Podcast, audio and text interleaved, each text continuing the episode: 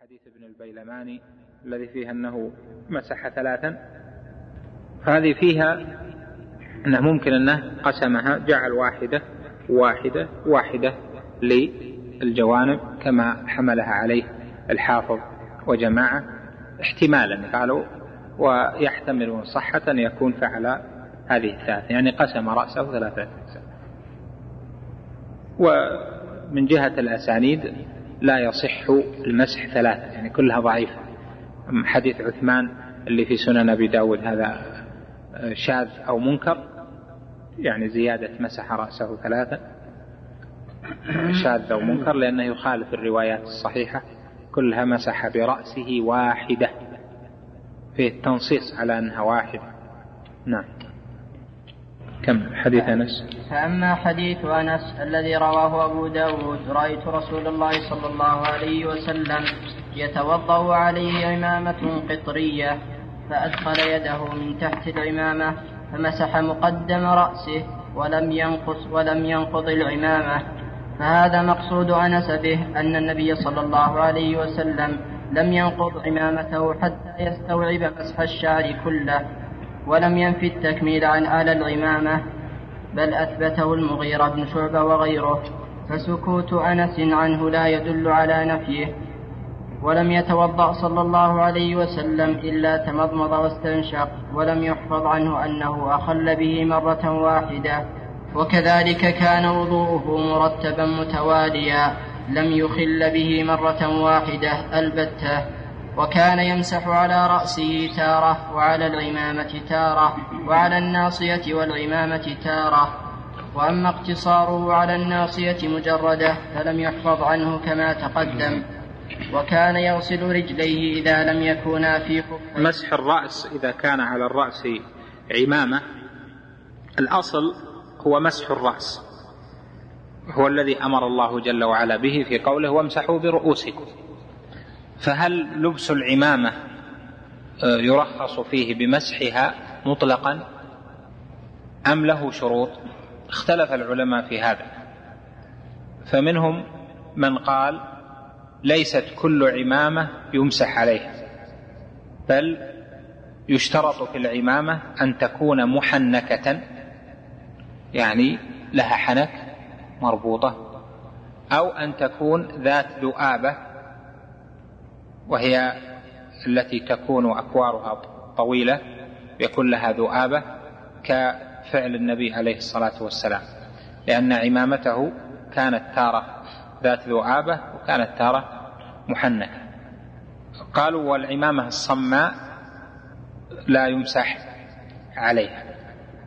ومنهم من قال لا يشترط شيء لأن المسح على الرأس هو الأصل فإذا كان على الرأس عمامة فإنها تكون حائلا من الحوائط فيمسح عليها مع رأسه فإن كان بدا من الرأس شيء فيمسح على ما ظهر ثم يكمل على العمامة وهذا القول أولى لأن التفريق ما بين أنواع العمائم ما ينضبط.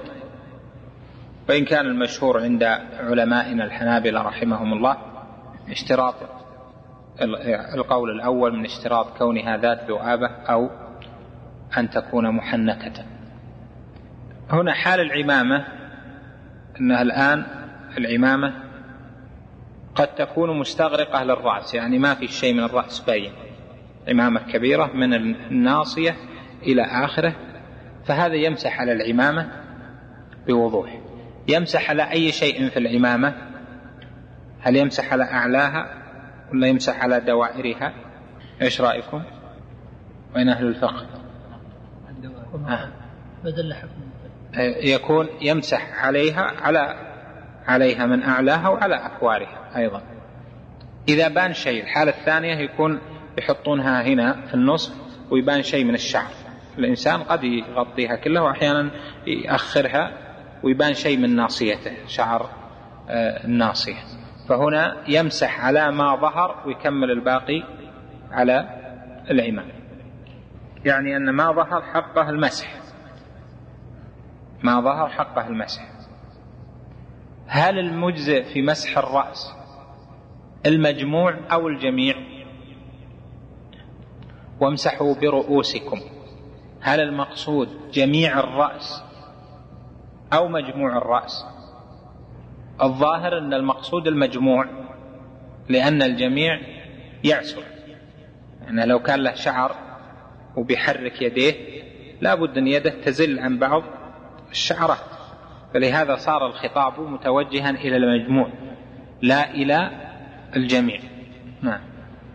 ولأنها الأصل في الممسوحات في الشريعة أن يكتفى بالمجموع أيضا لا الجميع مثل المسح على الجوربين وعلى الخفين والمسح على الحوائل ونحو ذلك يكتفى فيه بالمجموع لا بجميع الأجزاء. نعم. عمامة؟ لا من بعمامة. لا هذا هذه ثوب. عاد ما عاد صارت شماغ يعني. ما عاد صارت غترة. لا ولا طاقية ما هي بعمامة. كل هذه الأشياء ما هي بعمامة. العمامة فيها يعني مشقة أو فيها صعوبة في النزع وتغيير الهيئة. مو بسهل إعادتها. لو عندنا أحد من السودانيين يصف لنا هو اللي بيعرفونها. زين. أما عماماتنا في العمامة اللي تستخدم في الخليج أو كذا الصغيرة جدا؟ هذه ليست عمامة. نعم؟ إيه. لا ما يجزي. إذا كان يعني الرأس مكشوف ما يجزي أن يمسح على ناصيته فقط. حتى على قول الحنفية فإن الحنفية يشترطون إيش؟ أحد الجهات. بعضهم يقول الربع بعضهم يقول الثلث لكن اللي يعني عندهم إنه يمسح أحد الجهات. يعني بيمسح ذا الجهة كاملة أو يمسح ذا واحدة من الجهات كاملة أو يمسح. أما الناصية فقط فما ما يجزي. والباء الباء للإلصاق. وليست للتبعيض. وامسحوا برؤوسكم. ليست الباء للتبعيض لأن الباء الأصل فيها أنها للإلصاق. والإلصاق قد يكون إلصاق ذات بذات أو إلصاق مكان بمكان يعني البحث موجود في كتب حروف المعاني وليست الباء هنا للتبعيض. الحنفية يقولون للتبعيض يعني امسحوا ببعض رؤوسكم. امسحوا بعض رؤوسكم. لكن هذا ليس بصحيح لأن الأصل في الباء أنها للالصاق وكوننا نلجأ إلى أن تكون للتبعيض وإن كان قد ورد بقلة عن العرب وأنكره من أنكره لغة فإن السنة هي البيان للقرآن. والنبي عليه الصلاة والسلام مسح على رأسه كله ما اقتصر على البعض. وما وقع الفعل الذي يقع بيانا للأمر يكون إيش؟ وش بلاكم الله يهديكم؟ معلومات قلناها لكم يمكن مرة أو مرتين. الفعل إذا وقع منه عليه الصلاة والسلام بيانا للأمر امتثالا للأمر. إيش يكون حكم الفعل؟ الوجوب. يعني أفعال النبي صلى الله عليه وسلم تارة تكون حكمها الوجوب. متى يكون واجبا فعل النبي عليه الصلاة والسلام؟ إذا كان امتثالا لأمر.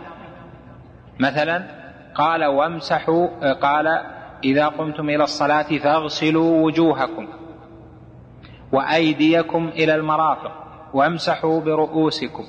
هنا امتثل النبي صلى الله عليه وسلم هذا أو ما امتثل؟ على النحو الذي امتثل يكون تحديد الواجبة. فمسح الرأس كاملا هو الذي فعله فدل على وجوبه مثلا آه، في قوله جل وعلا فإذا أفضتم من عرفات فاذكروا الله عند المشعر الحرام. هنا أمر بذكر الله عند المشعر الحرام الذي هو إيش؟ المشعر الذي في مزدلفه طيب هنا أمر بالذكر عند المشعر الحرام. النبي صلى الله عليه وسلم امتثل لهذا بفعله فبات ورخص لطائفة في أن يذهبوا من مزدلفة بعد أو في آخر الليل أو بعد نصف الليل إلى آخره. ضعفه ومن معهم من الأصحاء ممن يصحبونه وأذن لأهل السقاية وإلى آخره. فدل هنا على أن البيتوتة إلى ما بعد نصف الليل إيش؟ واجبة. لماذا؟ لأنها وقعت امتثالا للأمر. كذلك واذكروا الله في أيام إيش؟ معدودات. فمن تعجل في يومين فلا إثم عليه ومن تأخر فلا إثم عليه لمن اتقى هذه اذكروا الله. هذه امتثلها النبي عليه الصلاة والسلام. بأي شيء امتثلها؟ امتثلها بالرجم. وامتثلها بالبيتوتة فدل فعله على أن على أن الرجم في الأيام وعلى أن البيتوتة إيش؟ واجبة. وهذا هو استدلال المحققين من العلماء وهو أوضح من استدلال من استدل بقوله خذوا عني مناسككم لأن من أفعاله عليه الصلاة والسلام في الحج والعمرة ما هو؟ سنة. مثل صلوا كما رأيتموني أصلي. هل كل فعل فعله في الصلاة واجب ليس كذلك. بالإجماع. ليس كل فعل فعل فعل عليه الصلاة والسلام في صلاته فهو واجب. فإذا الاستدلال بقوله صلوا كما رأيتموني أصلي على الواجبات فيه نظر. كذلك الاستدلال بقوله خذوا عني مناسككم على كل ما فعله عليه الصلاة والسلام في في الحج وصلوا كما رأيتموني أصلي على كل ما فعله في الصلاة هذا فيه نظر. تحتاج إلى المقصود هذا دليل أصولي واضح ينفعكم يعني كثيرا في الاستدلال. تلخيص القاعدة هذه أنه ما الفعل الذي وقع امتثالا لأمر الله فهو واجب. فعل الذي وقع امتثالا واجب. هذا كثير يعني لقاعدة يستدل بها في كثير من المسائل. به الخمار تمسح إذا كانت مشدودة. إلا تكون مشدودة. أجل كيف تكون مشدودة؟ تكون مشدودة تحت ما هو إذا أبدل؟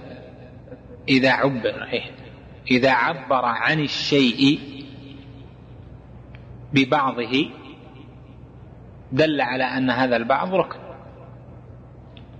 مثل وما كان الله ليضيع إيمانكم. يعني إيش؟ صلاتكم. دل على أن الصلاة من الأركان. واضح؟ لأنها ركن.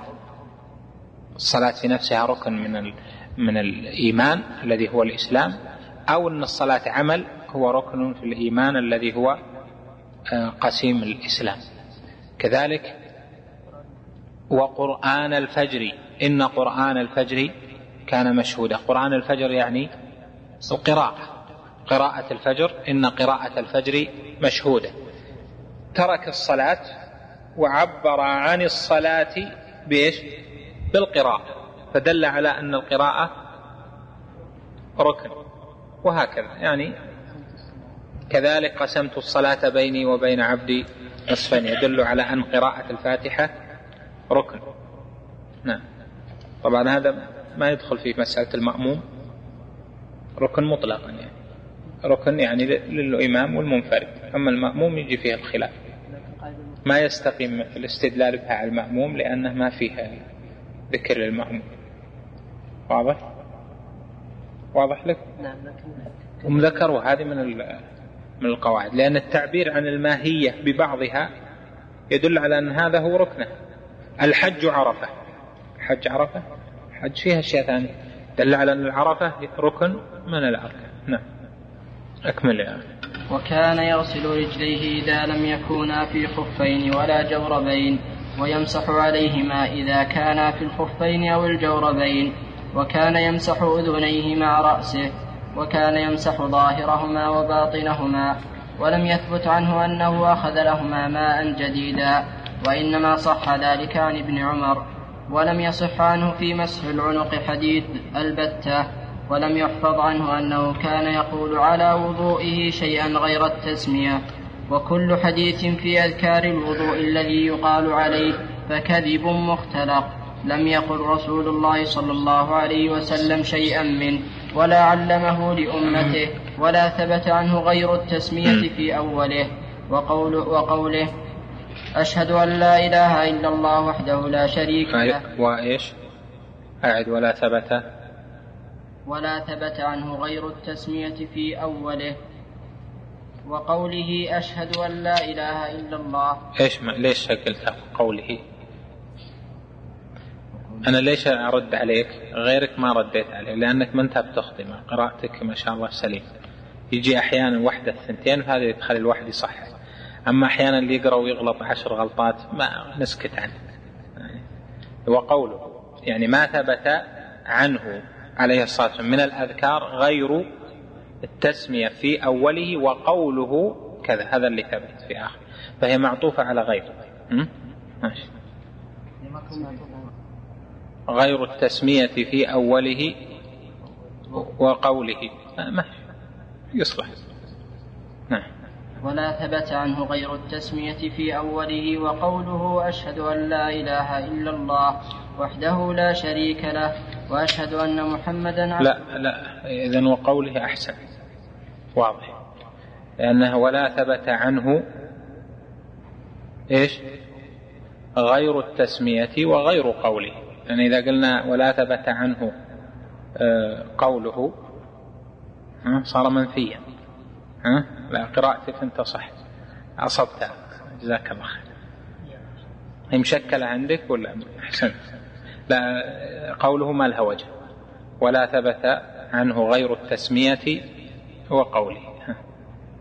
أشهد أن لا إله إلا الله وحده لا شريك له وأشهد أن محمدا عبده ورسوله.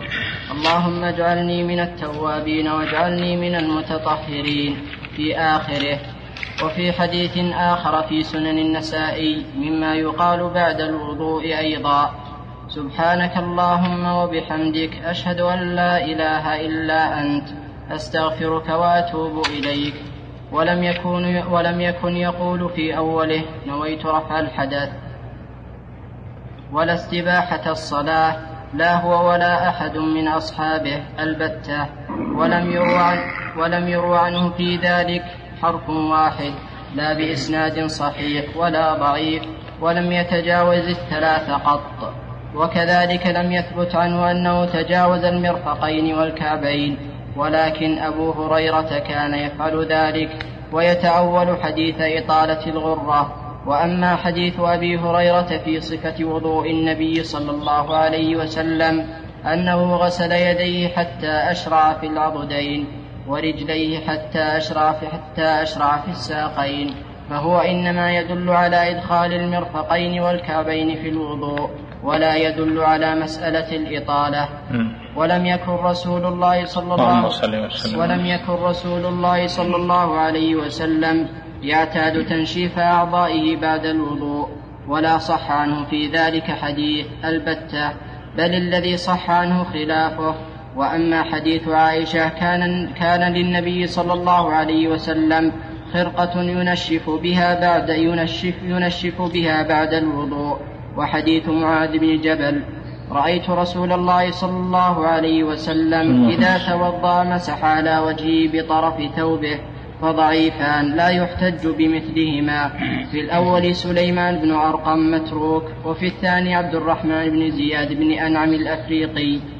ضعيف. قال الترمذي ولا يصح ولا يصح عن النبي صلى الله عليه وسلم في هذا الباب شيء. وأنعم ولا أنعم؟ شكل عندك نعم كمل. ولم يكن من هديه صلى الله عليه وسلم أن يصب عليه الماء كلما توضأ ولكن تارة يصب على نفسه وربما عاونه من يصب عليه أحيانا لحاجة كما في الصحيحين عن المغيرة بن شعبة أنه صب عليه في السفر لما توضأ وكان يخلل لحيته أحيانا لذلك يذكر يقال يعني ما أدري عن صحته لكن يقال لأجل مسألة صب الوضوء هذا صب الماء أن الوضوء كيف تأخذ الموية؟ لابد بفعل تفعله فهو إما أن تذهب أنت إلى الماء وإما أن يصب عليك. فلما جاءت البزابيز هذه الحنفيات اللي هي تفتح وهي تجيك. يقال الله أعلم يعني حكاية ماني مثبت منها. يعني ما أدري هل هي ثابتة أم لا. اختلفوا ف يعني اختلف فيها فقيهان في بلد مفتيان. فقال مفتي يظنه من المالكية أو شيء أن هذه ما تجوز لأنه ما فعل فعل فعلا. الموية جته وهو لا بد أن يفعل فعلا إلى آخره. وقال الحنفي تجوز. قالوا فسميت حنفية لأن الذي أجازها من الحنفية. وهذا مثل ما ذكر لك ابن القيم ليس له أصل شرعي فالمقصود حصول الوضوء. أما فعل العبد كون أنه يصل إلى الماء أو أن الماء يصل إليه المقصود أو أنه يصب عليه أو هو يغترف إلى آخره هذا ما له. ليس له أثر في الحكم. حصول الوضوء بقصد. المهم أن يكون فعل الفعل بقصد شرعي في رفع الطهارة يعني النية حاصلة. فالنبي عليه الصلاة والسلام توضأ بنفسه وصب الماء عليه مثل ما ذكر لك والأمر فيه فيه ساعة. وكان يخلل لحيته أحيانا. ولم يكن ولم يكن يواظب على ذلك. وقد اختلف أئمة الحديث فيه فصحح الترمذي وغيره أنه صلى الله عليه وسلم, اللهم صل وسلم. كان يخلل لحيته وقال أحمد وأبو زرعة لا يثبت في تخليل اللحية حديث. وكذلك تخليل الأصابع لم يكن يحافظ عليه وفي السنن عن المستورد عن المستورد بن شداد. رأيت النبي صلى الله عليه وسلم إذا توضأ يدلك أصابع رجليه بخنصره وهذا إن ثبت عنه نعم. وهذا إن ثبت عنه فإنما كان يفعله أحيانا ولهذا لم يروه لم يروه الذين اعتنوا بضبط وضوئه كعثمان وعلي وعبد الله بن زيد والربي والربيع وغيرهم على أن في إسناد عبد الله بن لهيعة وأما تحريك خاتمه إيش؟ على أن؟ على أن في إسناد عبد. ليش؟ عبد عبد الله. على أن في إسناده عبد الله. اسم إن مؤخر ها؟ نعم. على أن في إسناده عبد الله بن لهيعة. بن, بن لهيعة. نعم. وأما تحريك خاتمه فقد روي فيه حديث ضعيف من رواية معمر بن محمد بن عبيد الله. بن أبي رافع عن أبيه عن جده أن النبي صلى الله عليه وسلم كان إذا توضأ حرك خاتمه ومعمر وأبوه ضعيفان ذكر ذلك الدار قطني. نعم. فصل في هذا السياق طويل والفوائد المتنوعة واضحة ولكن هناك مسائل. الأولى كما ذكر أن الأذكار جميعا بدعة إلا التسمية في أوله وقول أشهد أن لا إله إلا الله إلى آخره في آخره. أما في أثناء الوضوء فجعل ذكر لكل عضو من أعضاء الوضوء كأن يقول إذا غسل وجهه اللهم بيض وجهي يوم تسود وجوه وتبيض وجوه وإذا غسل يمناه اللهم اجعلني ممن يأخذ كتابه باليمين وإذا غسل آه، يده الشمال قال آه، أعوذ بك اللهم أن نكون من أهل الشمال. ونحو ذلك الأذكار تختلف باختلاف الناس فيها والمدون في بعض الكتب. هذه كلها من البدع المحدثة.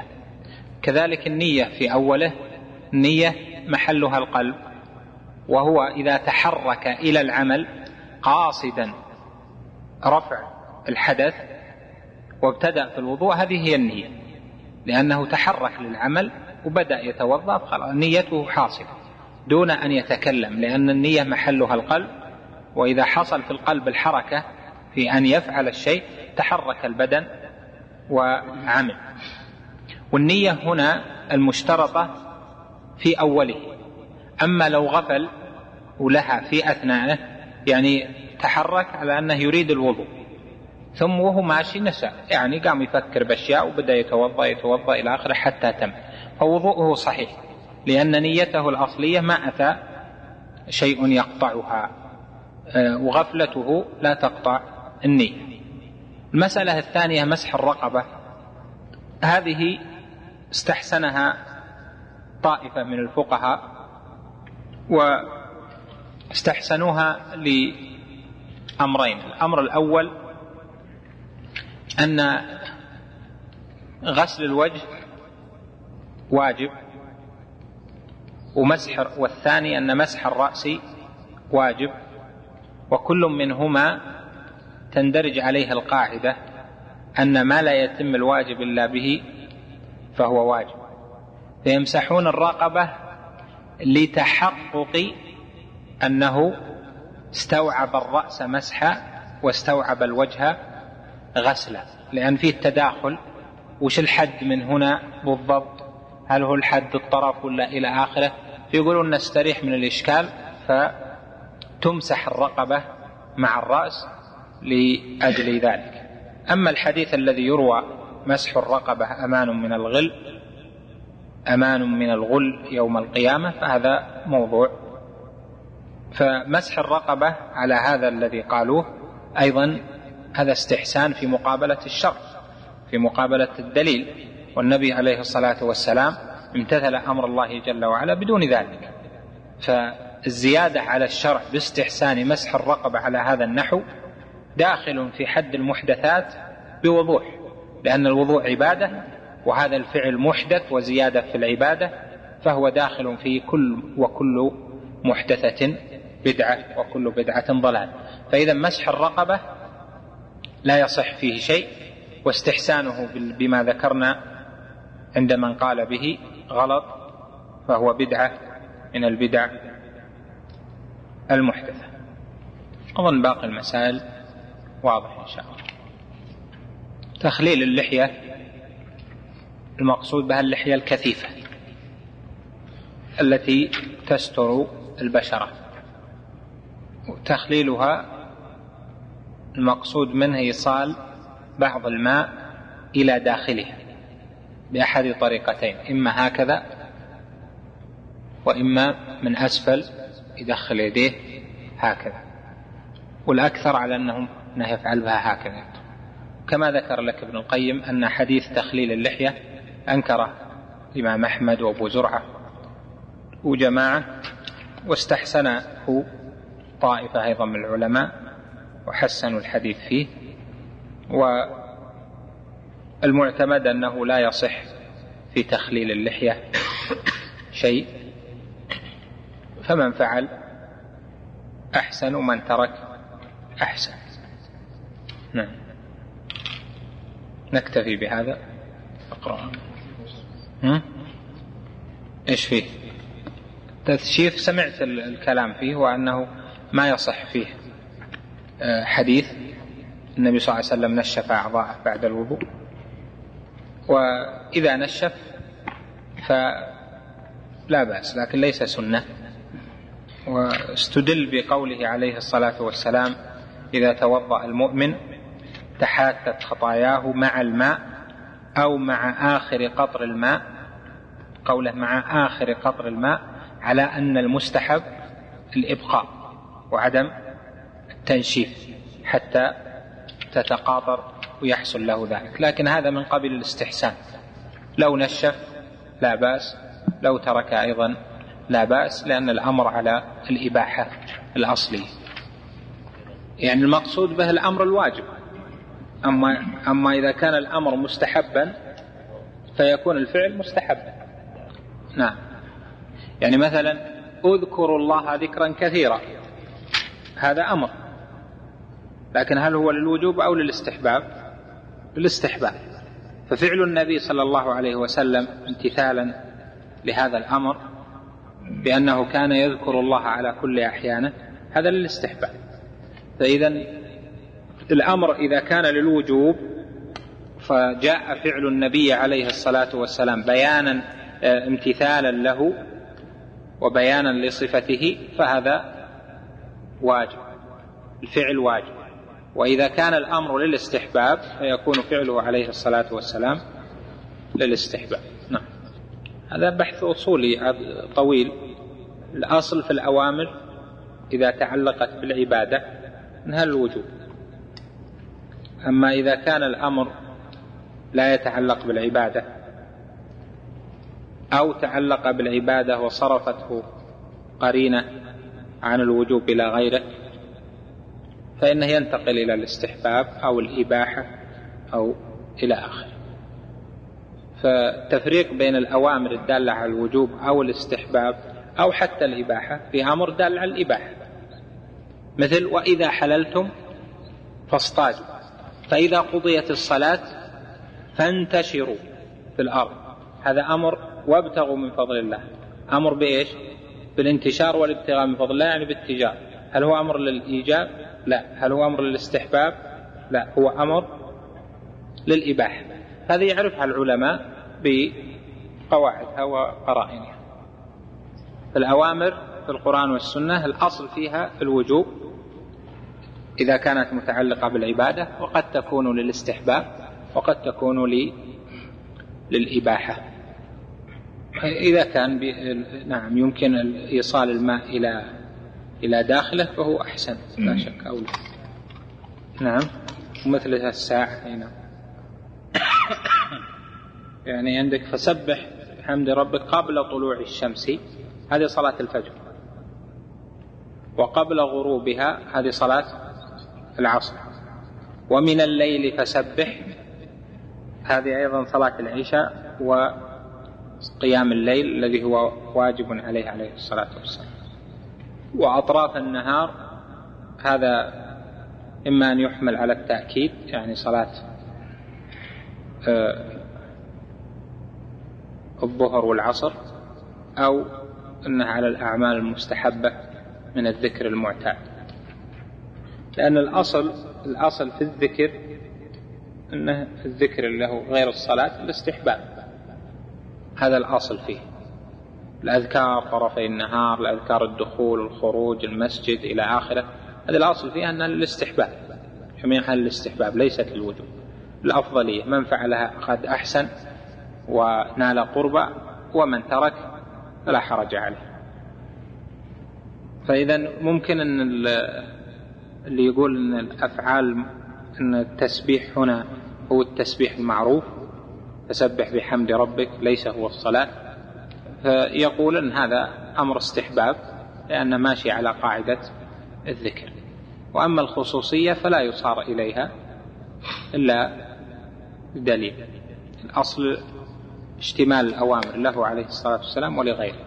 الجميع مخاطب. آله وصحبه أجمعين قال المصنف رحمه الله تعالى ونفعنا بها بصالح علمه فصول في هديه صلى الله عليه وسلم في العبادات وين؟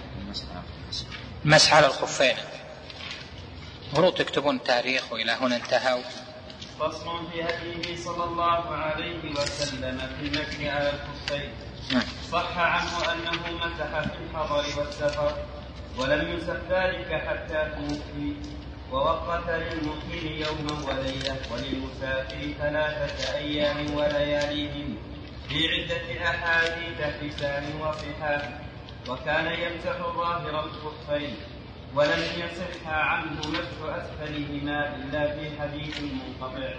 والأحاديث الصحيحة على خلافه. ومسح على الجوربين والنعلين.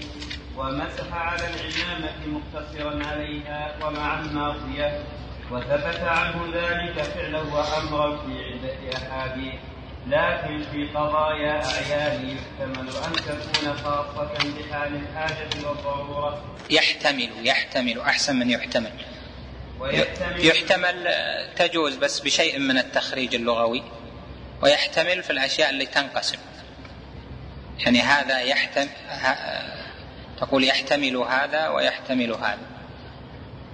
يعني الأمر يحتمل هذا والأمر يحتمل هذا يعني أما يحتمل يحتمل يعني أن الناس يحتملون يعني فيه نوع الحمل وهذا فيه ضعف. لذلك في التقاسيم الأحسن تقول يحتمل بالفتح وليست بالضم ويحتمل, ويحتمل العموم كالكفين وهو أظهر والله أعلم. ولم يكن يتكلف ضد حال التي عليها قدمان بل إن كانتا في مسح عليهما ولم ينزعهما. وإن كانتا مكشوفتين غسل القدمين ولم يلبس ولم يلبس الخف ليمسح عليه. وهذا أعد ولم ولم أعد ولم إيش؟ ولم يلبس الخف يلبس يلبس. لأنها هي من باب عمل. لبس يلبس لا ليست من باب عمل لكن هي فعل يفعل. لبس يلبس لبسا. نعم. ولم يلبس الخف ليمسح عليه. وهذا أعدل الأقوال في مسألة الأفضل من المسح والغسل. قاله شيخنا والله أعلم. رحمهما الله تعالى. الحمد لله. قال فصل في هديه صلى الله عليه وسلم في المسح على الخفين. معلوم أن الأصل هو غسل الرجلين وهو المأمور به في قوله جل وعلا يا أيها الذين آمنوا إذا قمتم إلى الصلاة فاغسلوا وجوهكم وأيديكم إلى المرافق وامسحوا برؤوسكم وأرجلكم إلى الكعبين. يعني واغسلوا أرجلكم إلى الكعبين. وهذا هو أكثر ما كان النبي عليه الصلاة والسلام يفعله لأن الغالب أن رجله عليه الصلاة والسلام أو أن قدميه كانتا مكشوفتين. وربما لبس الخف عليه الصلاة والسلام فجاءت الأحاديث عنه المتواترة عن أكثر من سبعين من صحابة رسول الله صلى الله عليه وسلم أنه سبحان أنه عليه الصلاة والسلام كان يمسح على الخفين. وجاء أيضا عن عدد من الصحابة قد يبلغون سبعة أنه عليه الصلاة والسلام مسح على الجوربين أيضا. وهذا كله من باب الرخصة والتيسير على الناس في المسح على على الخفين وفي المسح على الجوربين. وأيضا لم يكن هذا مقتصرا على ما يلبس على الرجل بل كذلك ما يلبس على الرأس للعمامة. إذا كانت محنكة كما كانت تلبس العرب أو كانت ذات ذؤابة قد تختل فإنه عليه الصلاة والسلام ربما مسح على العمامة أيضا إما على العمامة وحدها أو على الناصية يعني مقدم الرأس إذا كان باديا وأكمل على العمامة والمسح على العمامة يكون على أكوارها ولفائفها كما هو معروف فكان هديه عليه الصلاة والسلام في المسح على الغفين والمسح على الحوائل بعامة من أكمل الهدي وفيه التيسير على الأمة ورفع الحرج عنها امتثالا لقوله جل وعلا وما جعل عليكم في الدين من حرج لأنه إذا لبس المرء الخفين أو لبس الجوربين فإنه ربما كان هناك نوع مشقة أو كان خلعه لما لبس فيه عدم تيسير. والشريعة جاءت بالتيسير على الناس في أمور دنياهم وفي أمور دينهم أيضا. وقت المسح ذكر لك أنه للمقيم يوما وليلة وللمسافر ثلاثة أيام بلياليهن. وهل التوقيت يبدأ من اللبس أو من الحدث بعد اللبس أو من المسح الأول بعد اللبس. أقوال والثاني والثالث منها مشهوران يعني من أقوال الأئمة. وهذا هذان قولان والأرجح منهما هو الأخير وهو أن المدة تبدأ من المسح بعد اللبس. لدلالة قوله عليه الصلاة والسلام يمسح المقيم يوما وليلة ويمسح المسافر ثلاثة أيام بلياليهن, بلياليهن. فجعل المسح ممدودا إلى هذه المدة. والأصل أن المراد بالمسح المسح الحقيقي يعني ما مسح ما بدأه ماسحا فعلا لا ما يجوز له أن يمسح وهو ما بعد الحدث. وهناك قول ثالث في المسح لأن المسافر لا يتوقت مسحه بل يمسح إذا كان مسافرا حتى يصل. يعني إذا كان جادا به السير فإنه يمسح حتى يصل. وهو قول لمالك ولبعض أهل المدينة وعمل به ابن تيمية رحمه الله لما ذهب بالبريد إلى في أمور الجهاد وفي الرحلة إلى مصر استعمل هذا في انه مسح أكثر من ذلك. وهذا آه، لأجل تأويل وتوجيه وجهه في ذلك كما هو معروف المقصود أن السنة ماضية في ان مسح المقيم يكون يوما وليلة وأن مسح المسافر يكون ثلاثة أيام بلياليهن. وهذا من المسح الأول. 24 ساعة من أول ما مسح. ولا ينظر فيه إلى هل صلى خمس صلوات أو أقل أو أكثر. المهم من أول مسح. إذا مضى 24 ساعة يوم وليلة على أول مسح فإنه تنتهي المدة ويجب عليه الوضوء على الصحيح. وهنا أيضا مسألة متعلقة بقوله ولم يكن يتكلف ضد حاله التي عليها قدمه.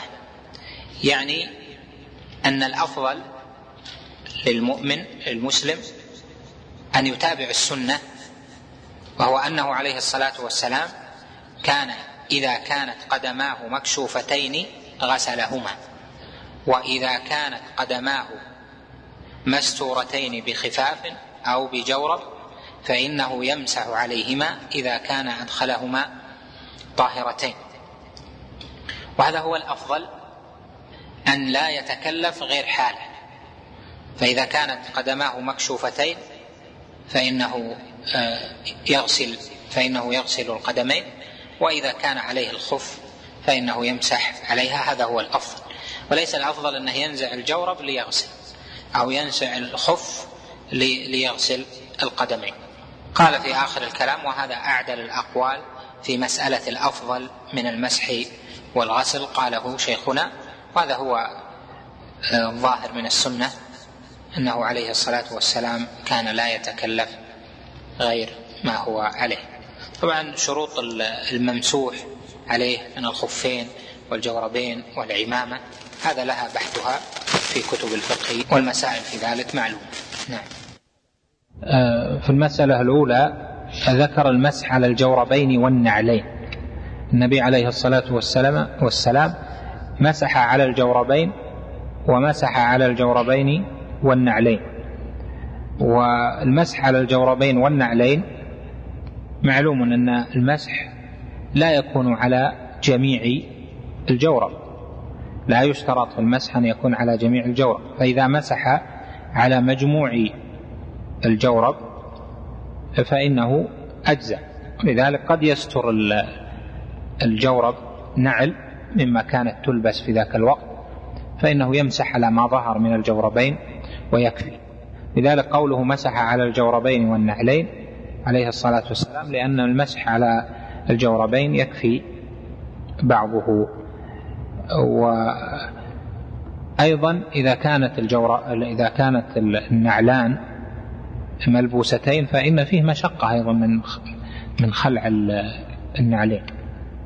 أما الآن مسألة الكنادر يعني الحذاء هذا يختلف لأنه أكثر الأحذية طبعا غير النعلين وغير الصنادل غير الصندل اللي يسمونه الصندل فإنه يكون تكون يكون الحذاء ساتر جل القدم وكذلك بعض الصنادل الأخيرة. هذه أشوف حال بعض من يلبسها أنها تكون فيها خيوط تستر أكثر. يعني الجلد اللي فيها يستر أكثر القدم فالمقصود من هذا أن المسح على الجوربين يكون على مجموع الجوربين يعني على أكثر الجوربين على أكثر الظاهر على أكثر الأعلى. أما الأسفل فلا آه، يمسح كما هو معلوم.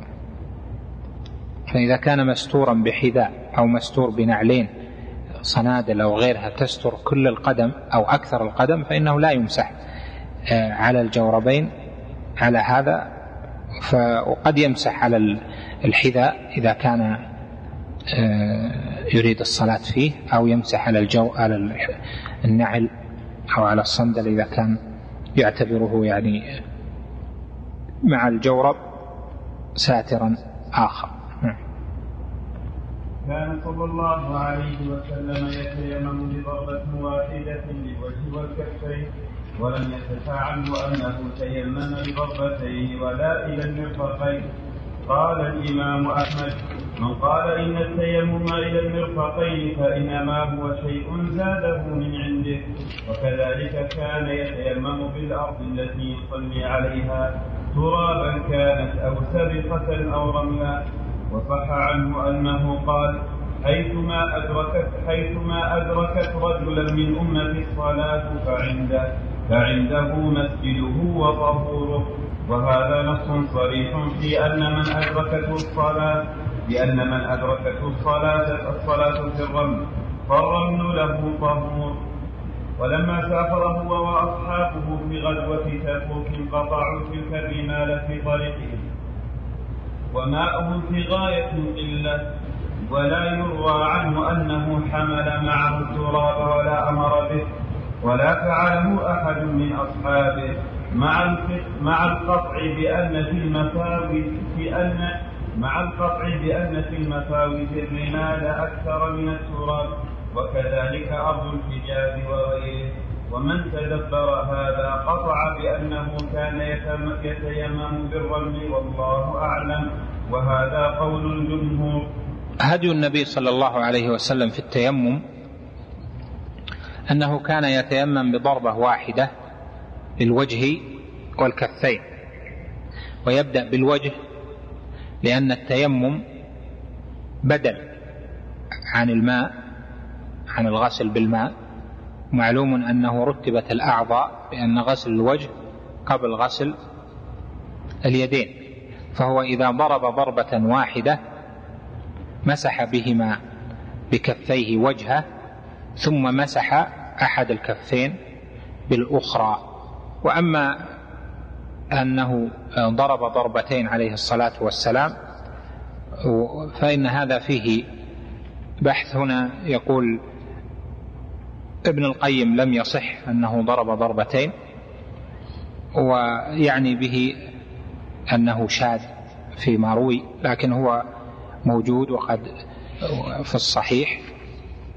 وأعله بعض العلماء كما هو معروف وقد يقال إن السنة الغالبة هي أن تكون ضربة واحدة وأما الضربتان فإنها خلاف السنة المشهورة أو المتواتر أو الظاهرة. لكن ابن القيم يقول لم يصح أنه تيمم بضربتين يعني لشذوذها. أما التيمم إلى المرفقين فهذه قال بها بعض السلف يعني بعض التابعين و وكما ذكر لا يصح لأن الذي جاء في السنة أنها للوجه والكفين وليست وليس التيمم هنا بدل عن اليدين عن غسل اليدين إلى المرفقين بل السنة جعلت التيمم هنا عضوه غير عضو الغسل. فعضو الغسل اليد إلى المرفق كما في الآية وأما التيمم فهو دون ذلك فيمسح بعض الكفين ببعض بطن هذه بظهر الأخرى. الله جل وعلا أمر بأن نتيمم صعيدا طيبا. قال جل وعلا فلم تجدوا ماء فتيمموا صعيدا طيبا فامسحوا بوجوهكم وأيديكم منه. وهذه الآية استدل بها طائفة من العلماء كالإمام أحمد وكأصحابه وآخرون أيضا آه، كثير على أنه لا يصح التيمم إلا بتراب أو بصعيد له غبار لأنه قال جل وعلا منه فامسحوا بوجوهكم وأيديكم منه. ومن هنا تبعيضية يعني من بعضه. وهذا يعني أنه لا بد أن يعلق شيء في اليدين في الكفين حتى يمسح. فإذا لم يكن يعلق مثل الطين أو السبخة أو الرمل أو نحوه مما يتحات. ولا يعلق فإنه لا يصح معه الامتثال. والقول الثاني وهو الذي ذكر ابن القيم هنا أنه قول الجمهور في أن الآية تحمل على الأفضل وعلى الكمال وعلى أنه إذا وجد صعيدا من تراب له غبار. أما إذا لم يجد فإن هدي النبي صلى الله عليه وسلم أنه كان يتيمم إذا لم يجد الماء في أسفاره وقد يمر برمال كثيرة قد يمر بأراض سبخة. وقوله هنا في في الحديث أيما حيثما أدركت رجلا من أمة الصلاة فعنده مسجده وطهوره هذا فيه العموم لأن حيث لأن حيث هذه فيها عموم الأمكنة فحيثما أدركت يعني في أي مكان أدركت رجلا من أمة الصلاة فعنده مسجده وهو مكان الصلاة الأرض وعنده طهوره في أي مكان. وهذا يشمل أمكنة الأرض الرمل الرملية والأرض الطينية وأرض التراب اللي لها غبار وأرض السبخة وفي أي مكان. وهذا العموم واضح الدلالة وكذلك قوله جل وعلا فتيمموا صعيدا طيبا والصعيد اسم لما صعد عن وجه الأرض. والطيب يعني الطاهر الذي ليس فيه النجاسة. فدل الحديث والآية على أنه إذا حضرت الصلاة ولم يجد الماء فإنه يتيمم يعني يقصد الصعيد وهو الأرض التي عنده فيتيمم منها. فنخلص من ذلك إلى ما قال من أن المرء المؤمن لا يجب عليه أن يحمل التراب الذي له غبار معه في سفره بل التيسير في حقه أنه يسير وأي مكان أدركته فيه الصلاة فيتيمم بالأرض التي هو فيها رملا كانت أو سبخة أو طينة أو بتراب له غبار إلى آخره وهذا يدل أيضا على أنه في الأرض التي يوجد فيها التراب الذي فيه الغبار فإنه لا يعدل عنه إلى غيره. وهذا ينبغي التنبيه عليه في ما عند المرضى ونحو ذلك فإنهم يكثرون بالرمال يعني يأتون برمل. مع أنه موجود التراب الذي له غبار. وذاك في قول من قال من أهل العلم بأنه يجزئ يعني إذا كان في أرض لا يلزمه أن يحمل معه التراب الذي له غبار فيما إذا أراد أن يتيمم. أما إذا كان مثل مثل البلدان هذه مثل أرض نجد ونحوها فإن التراب الذي له غبار موجود.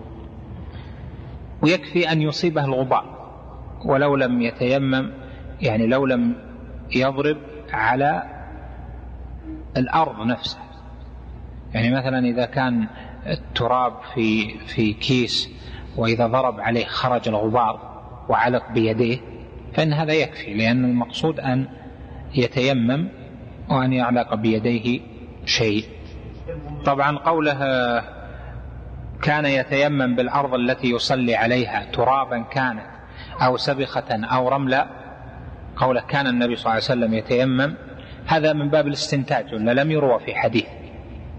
لم يروى في حديث أنه كان يتيمم بالسبخة أو يتيمم بالرمل ولكن هذا من الاستنتاج من سيرته وسنته في أنه أتى أرضا فيها رمل وأتى أرضا فيها سبخة وأنه آه لم يكن يمتنع من التيمم هذا من باب الاستقراء والاستنتاج ولا لا يحفظ. أنا لا أعرف حديثا في هذا المعنى. نعم أكمل. وأما ما ذكر في صفة التيمم من وضع بطون أصابع يده اليسرى على ظهور اليمنى ثم إمرارها إلى المرفق ثم إدارة بطن كفه على بطن على بطن الذراع وإقامة إبهامه اليسرى كالمؤذن إلى أن يصل إلى إبهامه اليمنى فيطبقها عليها. وهذا مما يعلم قطعا أن النبي صلى الله عليه وسلم لم يفعل ولا علمه أحدا من أصحابه. اللهم صل وسلم. ولا أمر به ولا استحسنه وهذا هديه إليه التحاكم وكذلك لم يصح عنه التيمم لكل صلاة ولا أمر به بل أطلق التيمم وجعله قائما مقام الوضوء. وهذا يقتضي أن يكون حكمه حكما إلا فيما اقتضى الدليل خلافه يريد من هذا ابن القيم رحمه الله أن الصفة التي استحسنها بعض الفقهاء في صفة التيمم وإمرار اليد على اليد أن هذه لا أصل لها في السنة من الصفة التي وصف. وأن السنة أن يمسح الوجه ثم تمسح إحدى الكفين بالأخرى باطن هذه بظهر الأخرى ثم باطن الثانية بظهر الأخرى وهذا هو المقصود. وليس ثم في السنة صفة خاصة في إمرار الكف على الكف أو إمرار بعض الأصابع على ظهر الكف الأخرى أو الأصابع الأخرى فإن هذا لا أصل له في السنة كما هو ظاهر من كلام ابن القيم بأن النبي صلى الله عليه وسلم لا لم يعلم أحدا من أصحاب هذه الصفة ولا أمر به ولا استحسنه ولم يفعله فيكون ذلك من من مما لا يشرع. أما التيمم هل يتيمم لكل صلاة أو لكل وقت أو يتيمم حتى ينتقض وضوءه بأحد نواقض الوضوء المعروفة هذا فيها خلاف بين أهل العلم. وابن القيم هنا رجح تبعا لشيخه شيخ الإسلام ابن تيمية رحمهما الله تعالى أن التيمم بدل عن الوضوء بالماء. وأنه إذا تيمم فقد ارتفع الحدث بالتيمم فيستبيح ما يستباح بالوضوء حتى تنتقض الطهارة.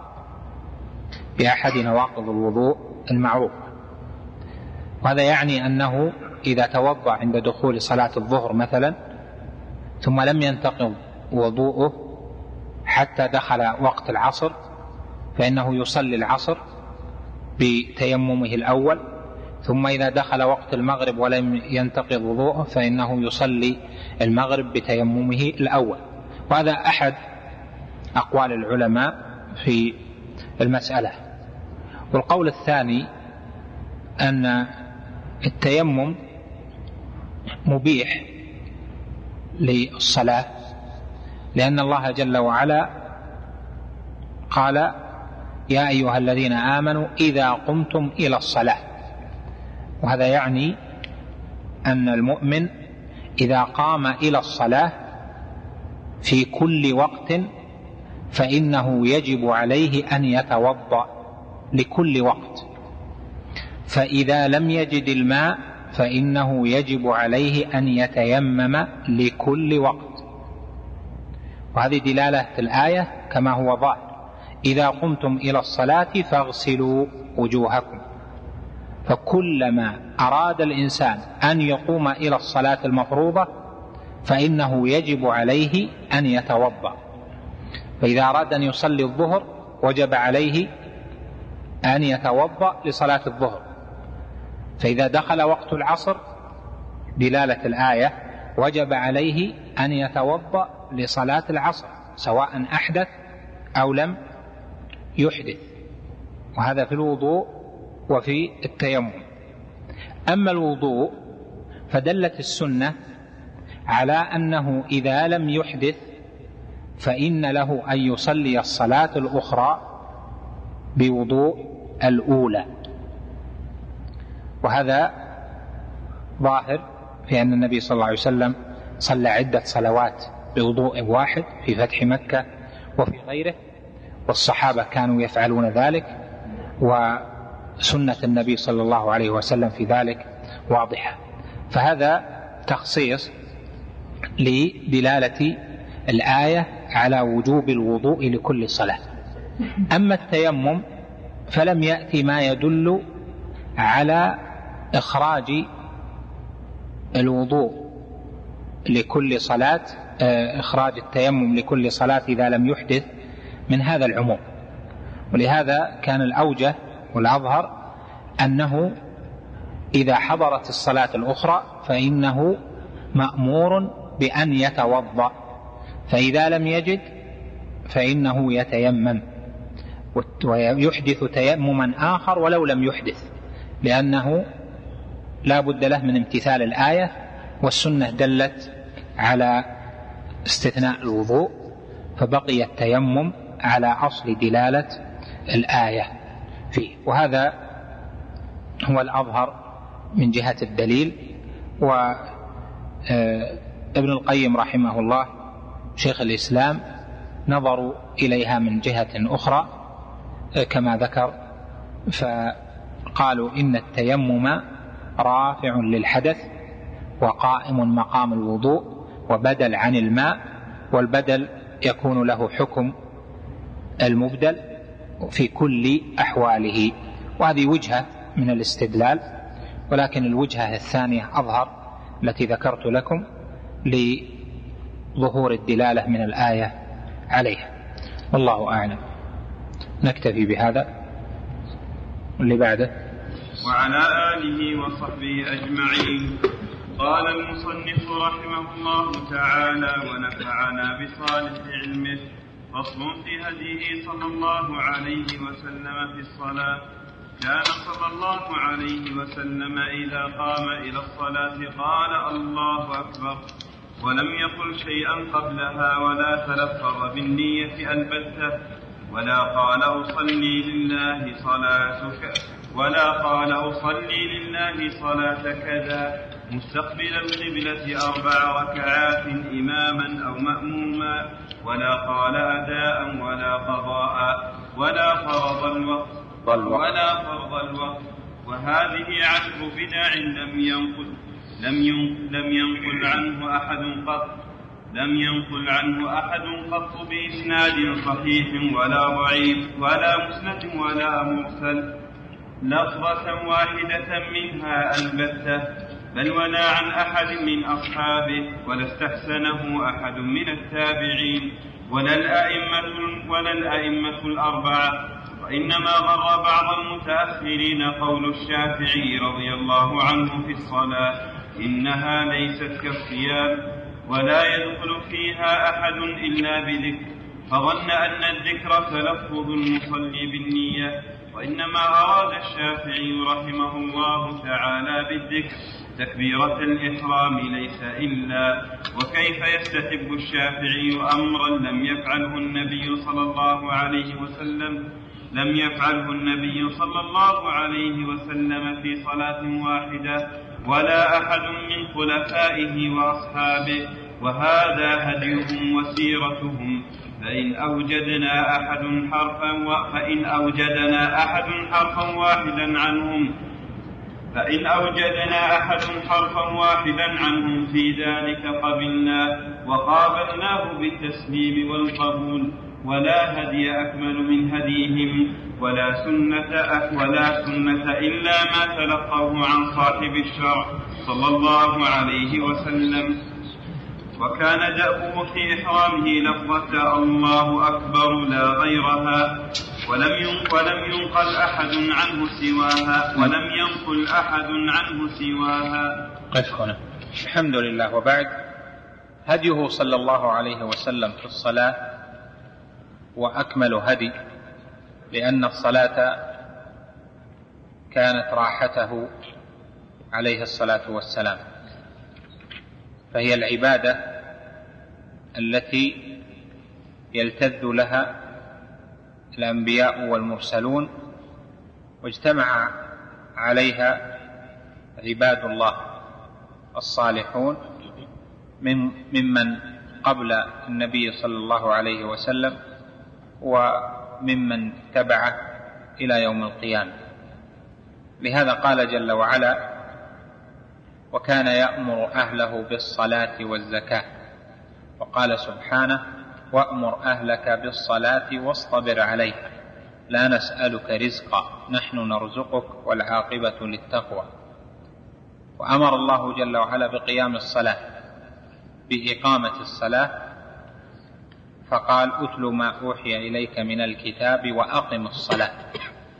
وهذا يعني أن إقامة الصلاة معناه أن تقيمها من الاعوجاج.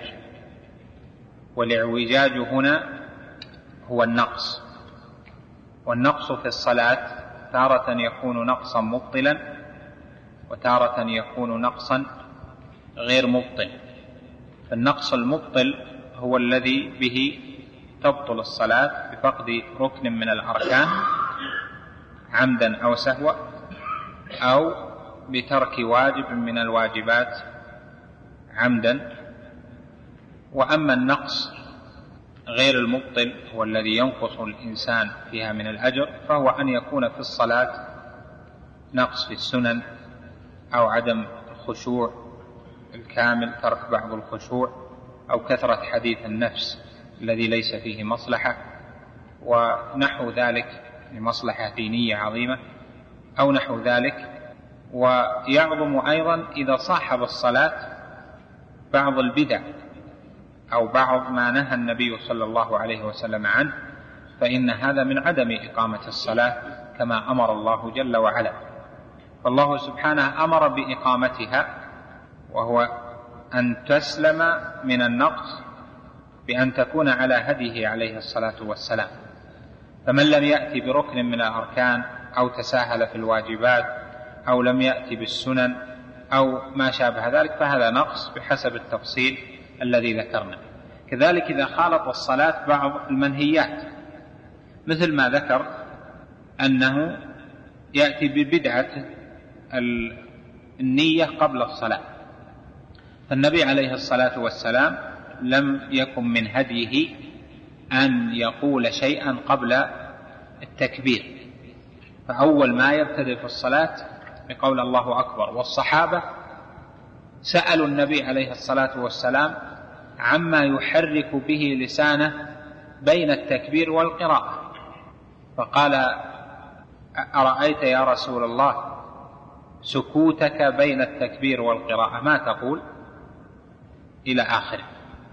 فسألوه عن أشياء يقولها وهو عليه الصلاة والسلام بين لهم وهذا الذكر بالإجماع وبالاتفاق يعني آه الذكر قبل الصلاة أنه لم يكن عليه الصلاة والسلام يقول شيئا قبل التكبير.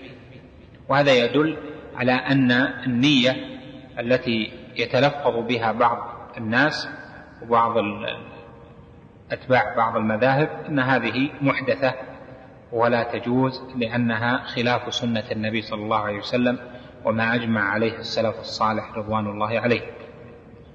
فلا يحل أن يجهر بالنية. بأن يقول نويت أن أصلي لله صلاة فرض صلاة الظهر فرضا مأموما إلى آخره. وأحيانا بعضهم يطولها حتى تكون نشرة فيها خبر عن قلبه ونيته والصلاة واليوم والحال إلى آخره.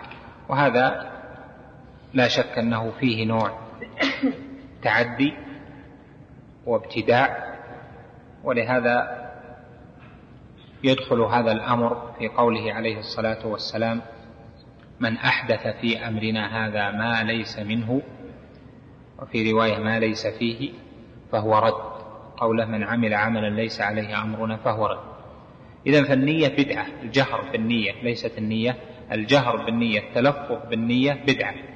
النية شرط من شروط صحة الصلاة فلا تصح الصلاة إلا بالنية. ومعنى النية في هذا الموطن أن يفرق القلب ما بين العبادة والعادة وأن يميز القلب ما بين العبادات بعضها عن بعض. إذا كان متوجه للصلاة فقد نوى هنا أن يتوجه لصلاة فرض. إذا نوى هنا دخل المسجد وابتدأ في صلاة في تحية المسجد هنا يتوجه قلبه إلى أنه يكون يصلي تحية المسجد يعني لا يكون غافلا عن الصلاة في هذا في عن نوع الصلاة. أما أن يستحضر لفظا بقوله أصلي فرض كذا أربع ركعات أو ثلاث ركعات أو ركعتين فهذا لا شك أنه بدعة ومحدث في الدين وكل بدعة ضلالة. فلا يجوز لأحد أن يتعدى ما أمر به أو أن يأتي بأشياء لم يقلها عليه الصلاة والسلام ولم يفعلها أحد من السلف الصالح رضوان الله عليه. أما افتتاح الصلاة فكان يفتتح عليه الصلاة والسلام بالله أكبر ولا يجوز غيره. لا يجوز الله كبير أو الله الكبير أو الله هو الكبير أو الله هو الأكبر ونحو ذلك. وكل هذه لا تجوز وليست بتحريمه وإنما التحريم الله أكبر بهذا اللفظ. ويستثنى من ذلك من كان حديث الإسلام ولم يسعه التعلم الكافي فصلى فقال غيرها فإنه يعذر لأجل حداثة عهده بالإسلام وعدم اتساع الوقت للتعلم. لكن إن اتسع وقته للتعلم ولم يفعل فإن صلاته غير صحيحة وكان صلى الله عليه وسلم يرفع يديه معها ممدودة الأصابع مستقبلا بها القلة إلى فروع أذنيه وروي إلى منكبيه فأبو حميد الساعدي ومن معه قالوا حتى يحاذي بهما المنكبين وكذلك قال ابن عمر وقال وائل بن حجر إلى حياد أذنيه وقال البراء قريبا من أذنيه وقيل هو من العمل المخير فيه وقيل كان أعلاها إلى فروع أذنيه وكفاه إلى منكبيه فلا يكون اختلافا ولم يختلف عنه في محل هذا الرفع ولم يختلف عنه. ولم يختلف عنه في محل هذا الرفع ثم يضع اليمنى على ظهر اليسرى وكان يستسجد قف هنا. من هديه عليه الصلاة والسلام أنه كان يرفع يديه إذا كبر للإحرام. وهذا الرفع لليدين متفق على سنته لأن جميع العلماء حتى الحنفية فإنهم متفقون مع بقية أهل العلم في هذا الموطن. فرفع اليدين سنة. إلى أي مكان يرفع فإنه كما ذكر ابن القيم هنا إما أن يرفعها إلى فروع أذنيه وإما أن يرفعها إلى محاذاة المنكبين. وفروع الأذنين يحاذي بهما فروع أذنيه لا يلصق الإبهام بفرع الأذنين كما يفعل بعض الناس يعمل هكذا يعني للتأكد. وإنما هو بالمحاذاة والمحاذاة هي الموازاة فيرفعها إلى محاذاة فروع أذنيه يعني ما يرفعها كثيرا فوق فروع أذنيه ولكن بالمحاذاة أو محاذاة المنكبين. ومحاذاة المنكبين فسرت بتفسيرين إما أن تكون المحاذاة أمام المنكبين بحيث يكون تكون الموازاة لأن المحاذاة بمعنى المقابلة والموازاة فيكون المراد به وجه المنكب هكذا. وإما أن فسرت بأن يكون تكون المحاذاة إلى المنكبين على الجنب لكن عمل أهل العلم على أن المحاذاة تكون من الأمام. أما عدم رفع اليدين إلى المنكبين فإن لا تحصل به السنة. يعني بعض الناس قد يرفع يديه إلى صدره وأحيانا إلى أقل من ذلك هذا لا تحصل به السنة ولا يحصل به فضيلة الرفع في هذا الموضع فهو نوع من العبث وإنما السنة أن يرفع إلى منكبيه أو إلى فروع أذنيه. وهذا الرفع معناه الذل. والخضوع لله جل وعلا والاستسلام له سبحانه وتعالى والتخلي من الدنيا وشواغلها والإقبال على الرب جل جلاله. وليس معه حركة حركة الكف وإنما هو رفع اليدين إلى الموضع إلى المنكبين أو إلى فروع الأذنين. ثم وضع اليمنى على اليسرى كما ذكر ابن القيم هنا. أما ما يفعله بعضهم من أنه إذا كبر عمل حركة للكفين هكذا حركة إشارة مثل ما يفعلها كثير من الناس في جميع الأمصار يعملون هكذا. هذا ليس بمشروع وليس له أصل في السنة وإنما الأصل الرفع الذي دلالته على الذل والخضوع والاستسلام لله جل وعلا. أما الحركة هذه فلا أعلم لها أصلا. لا في الأدلة ولا من كلام أهل العلم أيضا. ثم يضع اليمنى على ظهر اليسرى. ابن القيم سكت هنا عن مكان الوضع. أين يضع اليمنى على اليسرى؟ هل يضعها تحت سرته أو فوق سرته؟ أو عند صدره أو على صدره أو عند نحره. هذه خمسة مواضع. أما عند النحر فهذا لا يجوز بأن يرفعها إلى نحره. يعني ما فوق أعلى صدره يقرب منها من النحر. وما روي في تفسير فصل لربك وانحر. يعني أن يجعل يديك عند النحر هذا تفسير باطل. وأما الموضع الثاني وهو على صدره فقد جاءت فيها أحاديث وفي إسنادها ضعف. من حديث بهز بن حكيم من حديث وائل بن حجر عند ابن خزيمة و ومن حديث ومن غيرها لكن فيها ضعف في لفظ على صدره. وبعض العلماء حسنها. وأقوى منها رواية عند صدره وهي أيضا مروية في الأحاديث ووضع اليمنى على اليسرى عند صدره.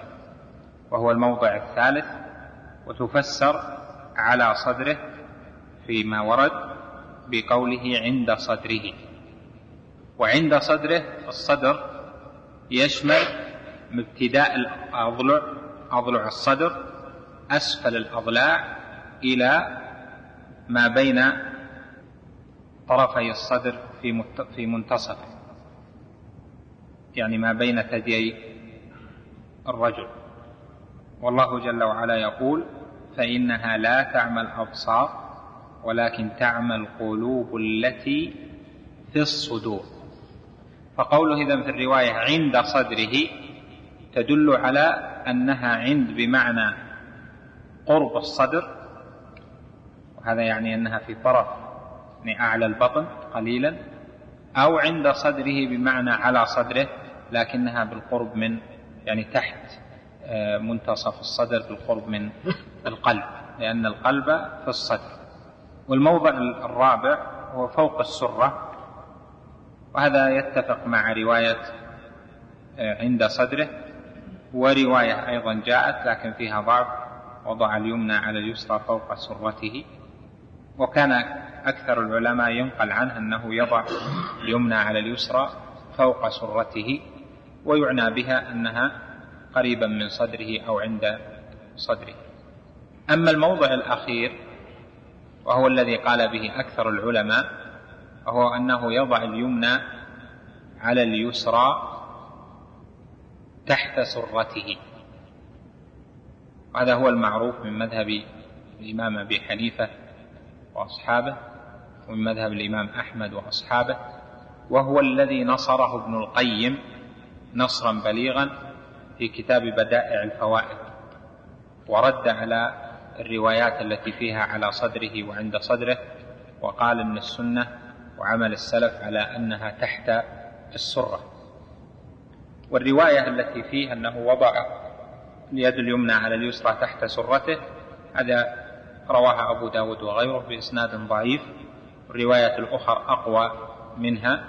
وإن كانت هذه الرواية تأيدت عند الإمام أحمد بعمل طائفة من السلف فالعمل بالقول الثاني وهو قول الشافعي وجماعة من أهل العلم أنها توضع فوق السرة عند الصدر أو على الصدر لأن هذا أثبت من الرواية الأخرى.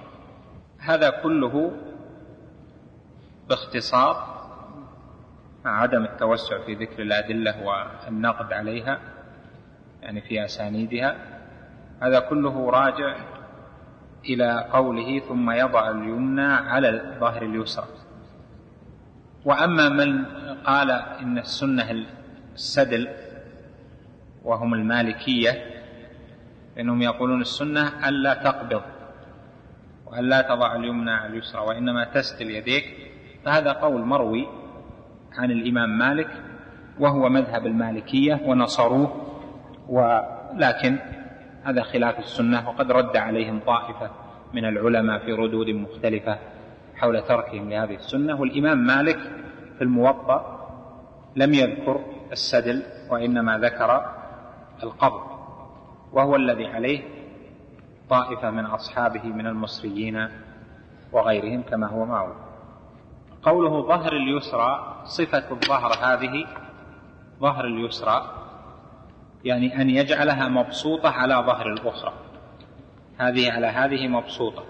لهذا قال ثم يضع هذا وضع واحدة على واحد والصفة الثانية أن يقبض اليسرى باليمنى يقبضها قبضا.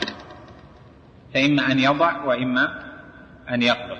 يكون الكف على الكف والرسغ والساعد على هذا. يعني إما أن يكتفي بالكف على الكف وإما أن يدخل بعضها وإما أن يقبض.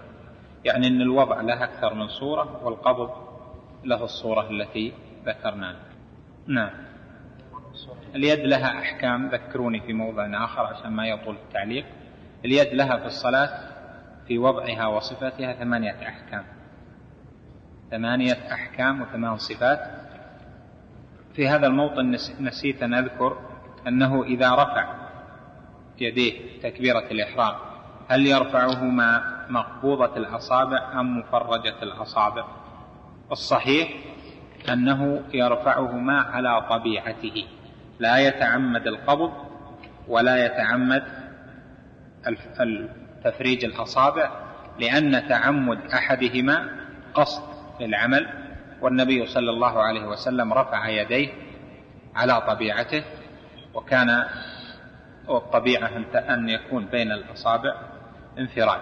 لهذا نقل بعضهم أنها كانت مفرجتي الأصابع ذهابا إلى الطبيعة نعم. وكان صلى الله عليه وسلم يستفتح تارة تارة باللهم باعد بيني وبين خطاياي. كما باعدت بين المشرق والمغرب. اللهم اغسلني من خطاياي بالماء والثلج والبرد. اللهم نقني من الذنوب والخطايا كما ينقى الثوب الأبيض من الدنس. وتارة يقول وجهت وجهي للذي فطر السماوات والأرض حنيفا مسلما. وما أنا من المشركين.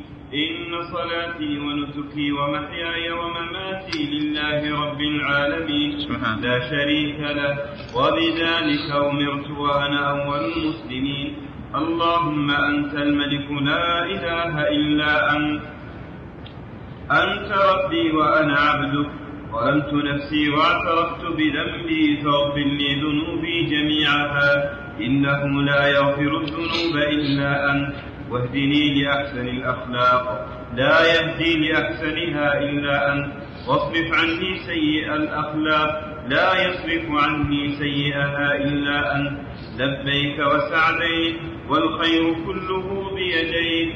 والشر ليس إليك. أنا بك وإليك. تباركت وتعاليت. أستغفرك وأتوب إليك. ولكن المحفوظ أن هذا الاستفتاح إنما كان يقول في قيام الليل. ولكن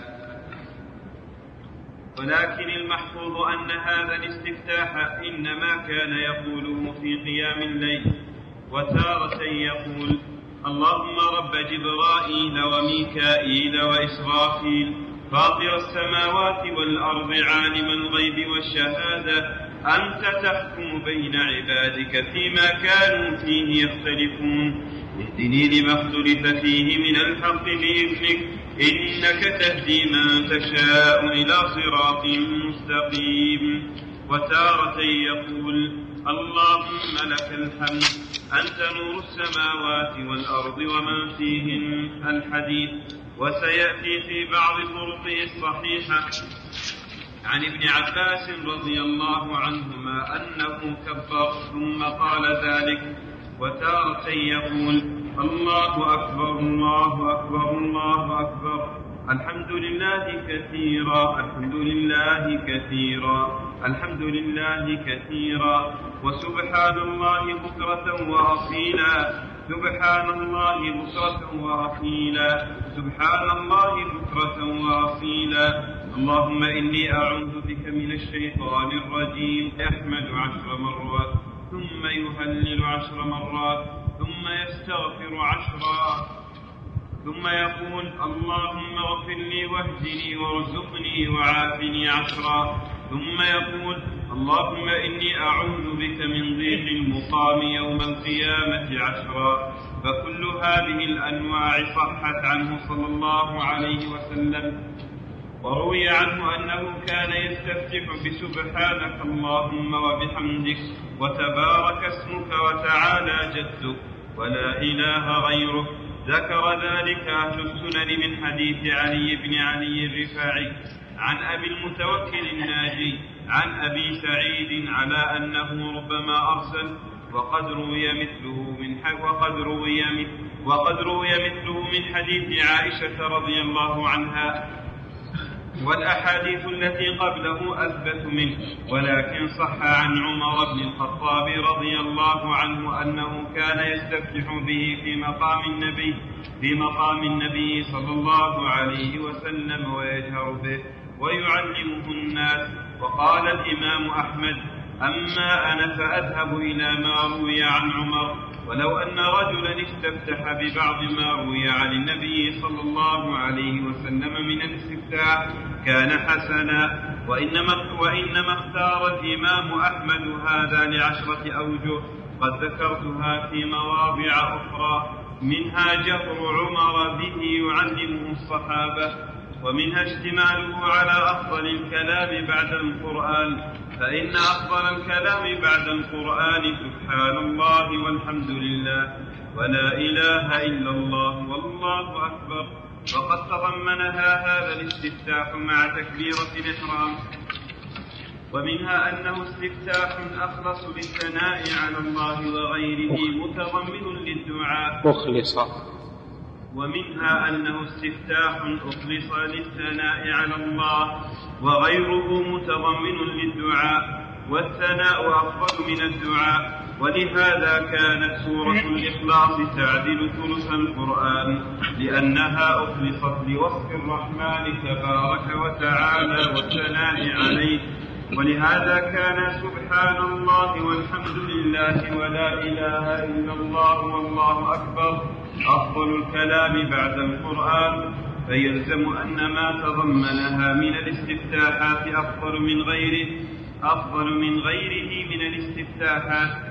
ومنها أن غيره من الاستفتاحات عامتها إنما هي في قيام الليل في النافلة وهذا كان عمر يفعله ويعلمه الناس في الفريضة ويعلمه الناس في الفريضة ومنها أن هذا الاستفتاح إنشاء للثناء على الرب تعالى متضمن للإخبار عن صفات كماله ونعوت جلاله والاستفتاح بوجهت وجهي إخبار عن عبودية العبد وبينهما من الفرق ما بينهما ومنها أن من اختار الاستفتاح بوجهت وجهي لا يكمله وإنما يأخذ بقطعة من الحديث ويدع باقية بخلاف الاستفتاح بسبحانك اللهم وبحمدك فإن من ذهب إليه يقوله كله إلى آخره وكان يقول بعد ذلك أعوذ بالله من الشيطان الرجيم. ما ذكره وأطال فيه في بيان الألفاظ الواردة في الاستفتاحات المختلفة للصلاة بيان شاف وكاف. وابن تيمية رحمه الله له قاعدة مطبوعة مستقلة بعنوان قاعدة في أنواع الاستفتاحات.